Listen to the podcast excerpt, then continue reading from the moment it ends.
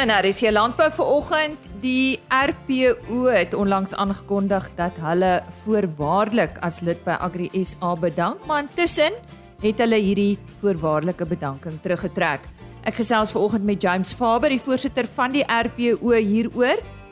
Johan van der Berg staan reg met ons weer nuus en natuurlik Chris Derksen ook met vleispryse wat behaal is by veilinge in die Noord-Vrystaat.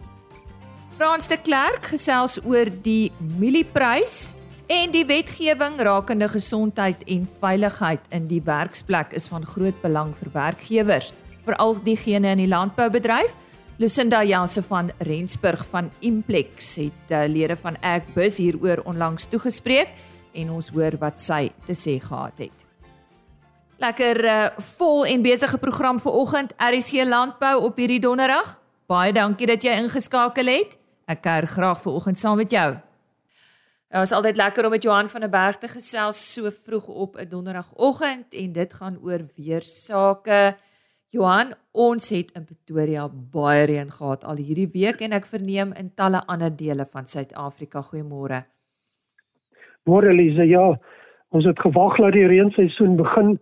Uh baie boere het sien weer agtig begin raak veral oor die ooste kant van die land want die boergrond was redelik droog maar dit lyk tog asof die reën in volle sterkte nou hier is. So die volgende week redelike swaar reën wat oor veral die sentrale dele kan voorkom. So dis die Vrystaat, Gauteng, die grootste deel van Noordwes, uh die dele van Mpumalanga, KwaZulu-Natal en natuurlik die noordelike dele van die Oos-Kaap en dit kan selfs die oostelike dele van die Noord-Kaap vang waar hier in die volgende week na 10 dae meer as 50 mm kan voorkom. So baie goeie kans vir redelike swaar neerslag. Dan is daar ook 'n kans vir reën in die Wes-Kaap en dit lyk veral dat die Oeverberg of die Rensgebied, Caledon, Bredasdorp en dan natuurlik eh uh, Swellendam, Riversdal, die gedeeltes ook 'n 10 tot 20 mm kan kry in die volgende week. 'n bietjie minder na die Swartland gedeelte toe, maar uh, dit is nie goeie nuus vir die boere wat dan stroop nie. Hulle is in die middel van die oesproses. Die kwaliteit is baie baie goed uh, vir die grootste deel wat ons gehoor het wat reeds gestroop is. So dit kan nogal 'n probleem begin skep as ons hierdie nat en vogtige toestande kry op kwaliteit. Ehm um, een van die ander goed, uh saam met hierdie reën is die kanse verhaal baie goed. Ons sien dat in die afgelope tyd het daar oral het daar half voorgekom. Uh so ons moet maar ek wil nie sê versigtig wees nie, maar veral wat ons ons uh, voertuie en die goed betref, as die weer opkom, kan daar half daarmee saam voorkom. So ja, die reën is hier bietjie verder. Dit lyk as die grootste deel van November en die dele van Desember uh ook redelik kom ons sê gemiddeld tot bo gemiddelde reën gaan kry. Miskien nog nie die westelike dele van die land nie, maar ten minste die oostelike gedeelte. So redelike goeie kans vir reën. Uh en daarmee saam ook 'n kans vir vloede. Met die La Nina verskynsel uh vorm daar baie keer sterk afsny laagdrukstelsels en dit kan oor kleiner gebiede sommer baie swaar reën van 50 100 mm is moontlik oor kleiner gebiede. Johan van der Berg dan met ons weer nuus. Wetgewing rakende gesondheid en veiligheid in die werksplek is van groot belang vir werkgewers, veral diegene in die landboubedryf.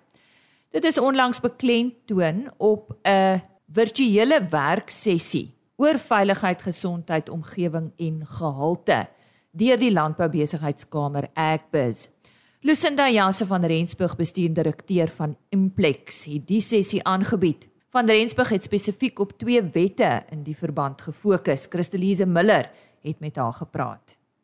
Lucinda, jy het onlangs 'n werksessie in samewerking met Agbus Grain aangebied.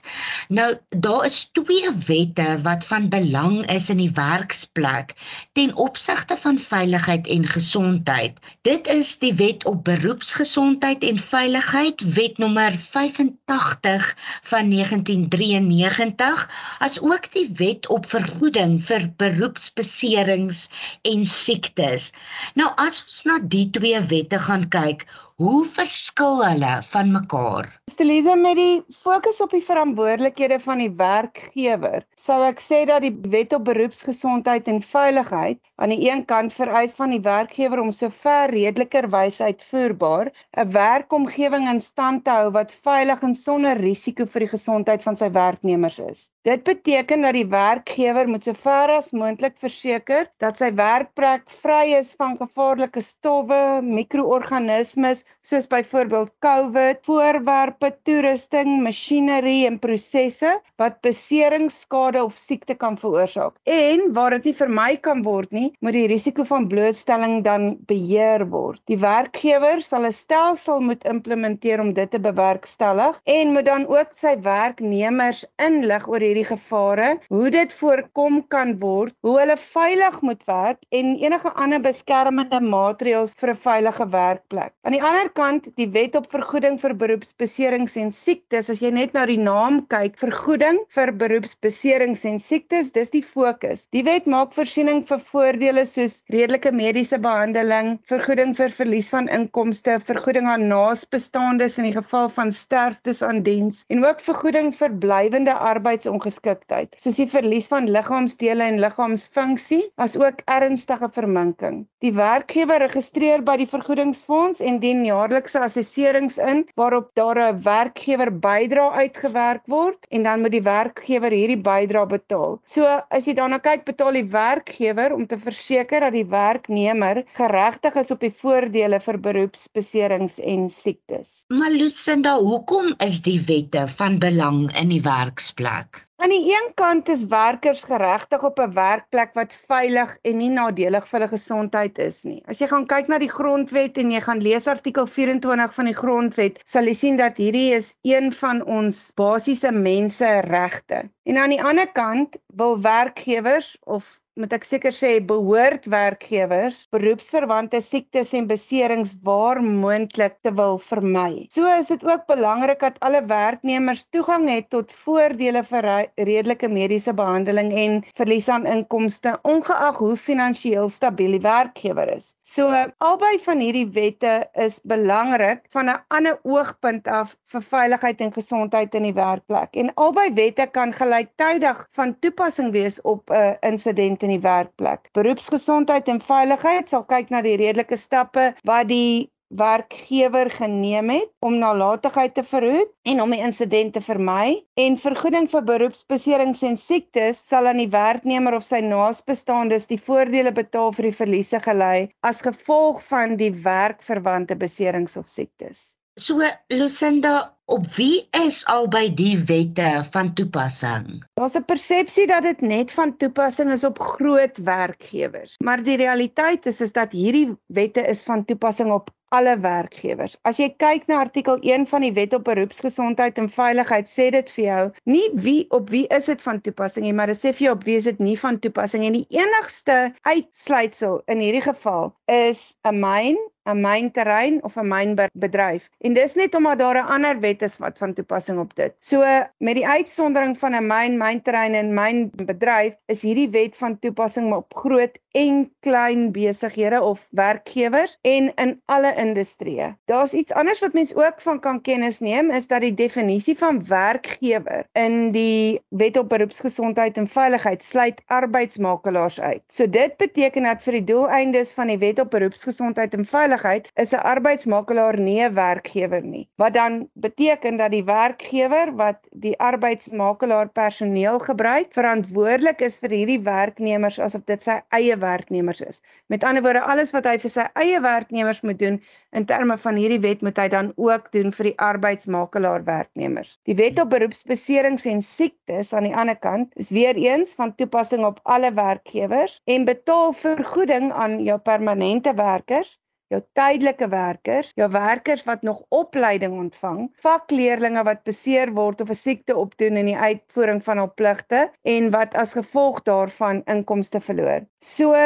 interessant is dat die die wet op beroepsbeserings en siektes sluit wel arbeidsmakelaars in as 'n werkgewer. So uh, in die een wet is hulle nie 'n werkgewer nie, maar in die ander wet word hulle geïdentifiseer as 'n werkgewer. En dan Lucinda, wat is die voordele vir werkgewers? Jy het nou gesê met betrekking tot albei wette is albei wette van toepassing op werkgewers. So dan sluit dit nou spesifiek dan nou ook in opbergers in die graanhanterings en opbergingsbedrywe. Maar wat is die voordele vir die werkgewers om aan die wette te voldoen? In die groter prentjie word landbou oor die algeheel beskou as 'n hoë risikobedryf. Dit beteken dat as jy nie versigtig te werk gaan nie en die nodige beheermaatreëls toepas nie, is dit hoogs waarskynlik dat iemand ernstig beseer kan word of kan siek word. Hierdie beroepsiektes en beserings het 'n nadelige impak op die werknemers natuurlik, want dit sal dan hulle wees wat siek word of seer kry, maar dit het ook gepaardgaande finansiële implikasies vir die werkgewer, soos verlies aan produksie, moontlike kriminele boetes en strawwe en dit kan ook die werkgewer se reputasie skaad. So deur die nodige risiko's te elimineer en aan die wet te voldoen, verseker die werkgewer dat sy werkers veilig en gesond is en vermy hy potensiële finansiële en reputasieskade. So dis die voordeel van beroepsveiligheid en gesondheid. As jy kyk na jou vergoeding vir beroepsiektes en beserings, deur geregistreer en volop betaal te wees by die kommissaris van vergoeding, verseker die werkgewer dat sy werknemers wat beseer word of 'n siekte opdoen in die uitvoering van hul pligte en as gevolg daarvan inkomste verloor of mediese uitgawes moet uit, aangaan dat daar wel vergoeding is vir hierdie werknemers. En dan artikel 35 van hierdie wet bepaal dat 'n werknemer in sy afhanklikes nie 'n siviele eis teen die werkgewer kan instel nie. So jou werkgewer en siviele eise is is gewoonlik groot eise en dis duur. So jou werkgewer is beskerm teen siviele eise vir werkverwante beserings en siektes. In ruil daarvoor kry die werknemer dan ook 'n voordeel dat die streng bewyslas wat in 'n siviele saak sou geld verlig word wanneer die werknemer 'n eis by die vergoedingskommissaris indien. Want al wat die werknemer hoef te bewys is dat hy beseer is of 'n 'n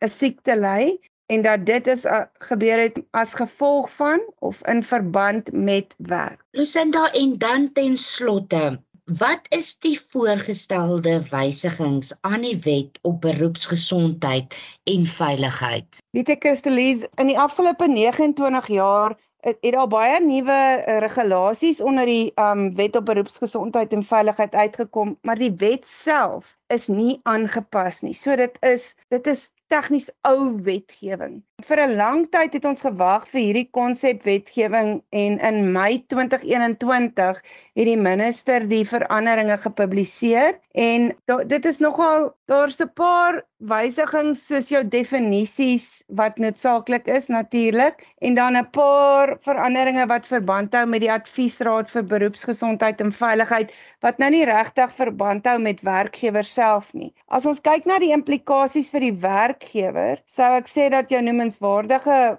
veranderinge sluit in dat die hoofinspekteur nou vir werkgewers of groepe werkgewers opdrag kan gee om 'n spesifieke gesondheids- en veiligheidsstelsel te implementeer. So dit beteken 'n volle stelsel wat kyk na jou veiligheid en gesondheid. Daar's meer formele vereistes vir jou risikobepalings. Tans is daar 'n breë vereiste vir risikobepaling, maar nou word dit meer formeel gestipuleer. Daar's veranderinge ten opsigte van die vereistes vir gesondheid en veiligheidskomitees in die werkplek en dan daar's veranderinge aan die rapportering en ondersoeke van jou beroepsiektes en insidente wat gerapporteer moet word. En dan op administratiewe punt die inspekteurs wat na die werkplekke toe kom gaan voortaan 'n identifikasiekaart moet dra met spesifieke inligting daarop. En dan is daar vereistes vir appel teen en hersiening van jou administratiewe instruksies wat die inspekteurs uitreik maar vir my die mees belangrikste met die grootste potensiële implikasies vir werkgewers is die feit dat die konsepwetgewing maak voorsiening vir administratiewe boetes. Met ander woorde, dis 'n boete wat betaal moet word vir nie nakoming van die wetgewing. So dit hoef nie na die hof toe te gaan nie, die inspekteur, daar's 'n spesifieke prosedure wat voorgeskryf sal word en die inspekteur gaan dan die boetes uitreik. Daar's natuurlik 'n appel wat jy kan aanteken teen 'n boete. Skedule 2 van die konsepwet sê vir ons dat die boetes kan gaan tussen 25000 en 50000 rand per boete. En dan skedule 1 van die wet gee vir ons verhoogde boetes vir kriminele oortredings in terme van die wet. Tans is daar twee boetes wat genoem word in die wet. R50000 vir enige iemand wat nie die werkgewer is nie, R50000 of 1 jaar tronkstraf en R100000 of 2 jaar tronkstraf vir die werkgewer. Maar in die skedule 1 sien ons dat die boetes nou Die voorgestelde boetes is tussen R200 000 vir jou werknemers en dan vir die werkgewer en werkgewer verwante oortredings is daar R500 000 boetes, 1 miljoen rand boetes, die hoogste boete is dan 5 miljoen rand wat baie meer in lyn is met die ander wetgewing tans en die boetes wat ons in die ander wetgewing vind. Dankie Lucinda, dit bewys weer eens die belang van die twee wette in die werksplek. Lucinda, as mense meer inligting wil bekom, waar kan hulle dit kry? Jy kan altyd by die departement van arbeid meer inligting kry, maar jy kan ook vir Implex skakel. Ons kan vir jou help met dit op ons webwerf www.implex.co.za of hulle kan vir my 'n e e-pos stuur na lucinda@implex.co.za. Dis dan Christelise Miller in gesprek met Lucinda Janse van Rensburg, bestuurdirekteur van Implex. Chris Derksen, soos altyd op sy pos op 'n donderdagoggend met ons vleispryse. Hierdie pryse is behaal by veilinge in die Noord-Vrystaat. Môre Chris. Goeiemôre al ons medeboere en Lisa. Dis jammer wat ons gewoonlik hierdie tyd van die jaar is die maksimum pryse bereik, maar pryse is regtig nog baie swak en te doen met 'n hele paar goed. Eerstens die baie hoë mieliepryse druk die speenkalfpryse af. Tweedens moet ons onthou die ekonomie is maar baie onder druk. En dan derdens vind ons natuurlik dat die skaapmark word totaal gedomeineer deur die informele mark en ek sou glad nie verbaas wees as die skaappryse taamlik mooi styg tussen nou en Kersfees. Maar ek gee vir julle die presiese pryse. Speenkalfs onder 200 kg gegaan vir R38.02 van 200 tot 250 kg R36.55 en oor 250 kg R34.88. A klasse was R33.11, B klasse R26 presies, vetkoeie R25.15 en markkoeie het gewissel van R17 na R22 slagbulle was R26.40 per kilogram lewendig en van 'n fiskaapmark stoorlammetjies R43.09 slaglammers R38.55 stoorskape R35.77 en vetskape R33.30 en vanaf die bokmark was lammetjies R58.03 en ooe R40 presies baie dankie en verseker maak hy volgende week weer so. Chris Derksen en hulle webtuiste indien jy graag weer na daardie pryse wil gaan kyk is www.vleisprys.co.za. Die onafhanklike tegniese analis Frans de Klerk is volgende aan die woord en hy sê ons praat vandag oor die mielieprys. Goeiemôre Lize, dis so lekker om weer met die boere te gesels en spesifiek te kyk na bietjie die wit mielie na baie kontrak ehm um, die prys daarso. Nou ek kan miskien vir luisteraars vermoere sê dat dis baie min dat ek vir baie lank 'n tendens kry wat net in een loodregte lyn na bo beweeg en dit is presies wat die mielies gedoen het, die wit mielies. Hy was so laag soos in Augustus maand was hy 4163. Nou julle sal nie glo nie van 4163 in Augustus maand na nou toe, dis basies 3 maande, sit ons op R5400 vir die nabye kontrak op witmielies. Nou dis een van die sterkste stygings wat ek in jare agter die grafieke gesien het. Inteendeel die grafiek het 'n baie interessante neiging gehad. Hy het elke dag het hy so 'n bietjie opgegaan, maar dan gaan hy net R30 en R20 en R40 op sonder dat jy dit werklik sien dat dit na bo beweeg. En dan so af en toe kry jy 'n redelike groot sprong van 'n R60 of 'n R70, dan vir 'n dag of twee wil hy so amper niks styg nie, maar dan gaan hy weer verder. En dis hoofsaaklik gedryf deur die groot probleem wat ons tussen Oekraïne en Rusland het waar die hele sagte kommoditeit mark amper gekaap is deur Rusland wat nie wil toelaat dat daarvan daardie sagte kommoditeit uit die Oekraïne beweeg nie. Buiten dit was daar ook droogtes wat natuurlik die uh, sagte kommoditeite onder enorme druk gesit het en so voedselsekerheid amper kan 'n mens sê onder die loep geplaas het. Maar nou wil ek vir boere sê, as hierdie wit mielie grafiek na onder gaan draai, gaan hy baie verbaas na onder en hy gaan verskriklik vinnig laer gaan en is heel eenvoudig. Ek sien talle gapings op die grafiek waar die prys elke oggend sommer net so 30 40 rand bo die vorige dag gesluit het en dit skep 'n gaping op die grafiek. As jy kyk na die emosie met ander aanhoudend was daar boere wat eenvoudig of handelaars wat net eenvoudig bly koop het. So julle kan julle maar regmaak. Sodra die mielieprys op die nabye kontrak onder R5350 beginne inbeweeg, kan die prys baie maklik en ek wil dit amper sê baie vinnig en baie maklik daal na R4800 per ton toe. Ja, op die oomblik is daar droogtes, op die oomblik is dit 'n probleem in Oekraïne, op die oomblik is daar wêreldwye 'n uh, hoë inflasie probleem, maar as daardie boot draai na onder, dan kan hy baie vinnig draai en ek sal eers weer positief raak vir nuwe momentum na bo in die mielieprys as hy R5530 breek.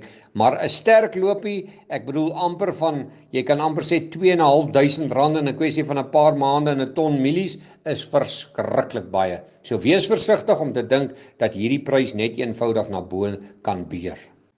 Dit was dan Frans de Klerk, sy e-posadres frans@fransdeklerk.com. Die RPO het op 12 Oktober in 'n verklaring hul voorwaardelike bedanking as 'n lid van Agri SA bekend gemaak. Nou daarna het hulle tydens 'n vergadering met die NWKV en die NPO probeer om 'n oplossing te vind en ook weer eens 'n verklaring uitgereik. Nou ek gesels vandag uh, oor die rede vir die bedanking as ook watter oplossings hulle gevind het met die voorsitter van die rooi vleisprodusente organisasie James Faber. James Moore, dankie uh, vir jou tyd en dat jy ook bereid is om op RSC Landbou met ons te gesels. Miskien moet ons net so 'n bietjie teruggaan, verduidelik vir ons wat was die rede vir julle bedanking? Liewe baie dankie en dankie vir die geleentheid dat ons met jou kan gesels. Ja, ek dink wat aanleiding gegee tot die oorspronklike media verklaring was die groot ongelukkigheid wat ontstaan het rondom um fondse se toekenning by Agri Enterprises hoe dit gespandeer is en dan ook binne in Agri SA sekere funksies wat nie verrig is nie wat wat ons gevoel het wat moet verrig word en wat van kardinale belang is.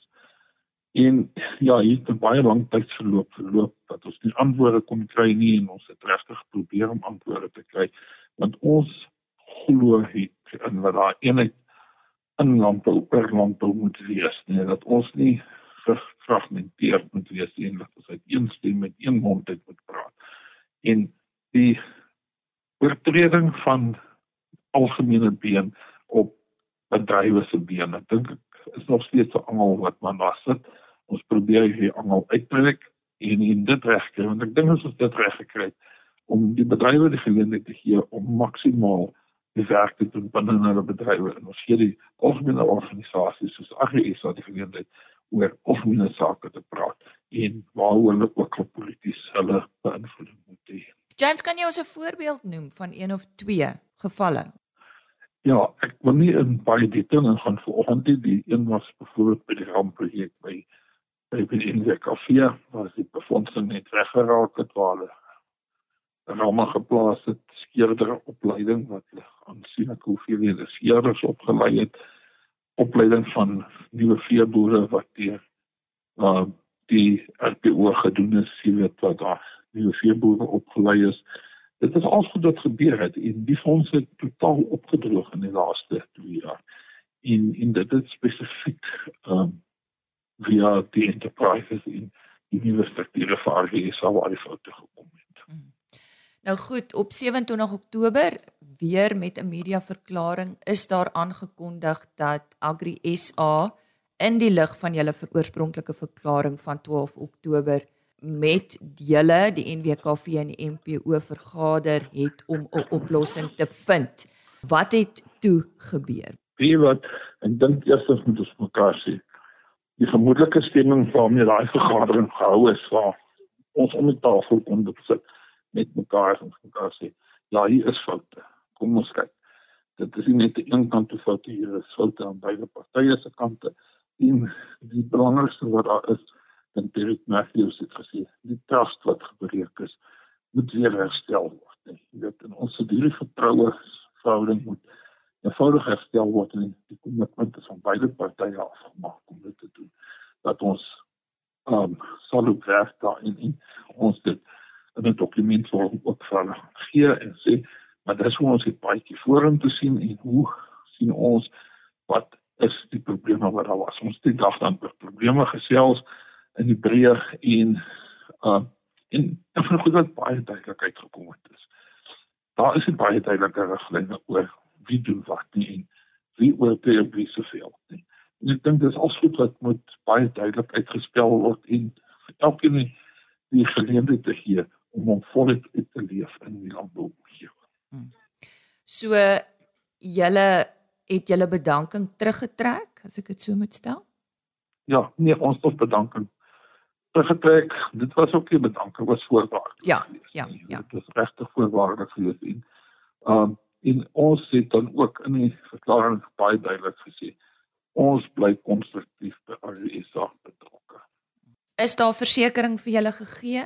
Is is so iets word so iets op skrif gestel? Wat wat vereis julle? Op skrif word gestel in notulus in die eerste plek, die tweede plek is um die dokument wat ons vir mekaar sê die riglyne ingesit word by die bedrywe sal help skryf aan en AgriSA ook en dat dit 'n gesamentlike proses is om hierdie nou nie beter te sit en laat ons werk om doen en nie met mekaar stry nie. Die voorsitter van die rooi vleisprodusente organisasie James Faber 'n protokol waarin duidelike riglyne uiteengesit word sal teen einde November deur die RPO en WKV en MPO opgestel word en aan Agri SA oorhandig word vir goedkeuring. En so gaan 'n halfuur sommer vinnig verby. Ek is weer maandagooggend 5uur terug met nog RSG landbou nuus en ek kan sommer nou al vir jou vertel. Ons gesels dan oor honde, boerboele en hoenders. Ek sal nou nie die kat uit die sak laat nie, so onthou maandag weer saam te kuier om 5uur. RSG Landbou van my kant af natuurlik maandag tot donderdag om 5uur. Onthou RSG Landbou is op die RSG webtuiste as potgooi beskikbaar. Jy kan ook www.agriorbit.com raadpleeg vir die onderhoude en dan sluit ek af met 'n e-posadres rsglandbou@plaasmedia.co.za. Laat dit net met jou goed gaan. Bly veilig en lekker boer. RSG Landbou is 'n plaas media produksie met regisseur en aanbieder Lize Roberts en tegniese ondersteuning deur Jolande Rooi.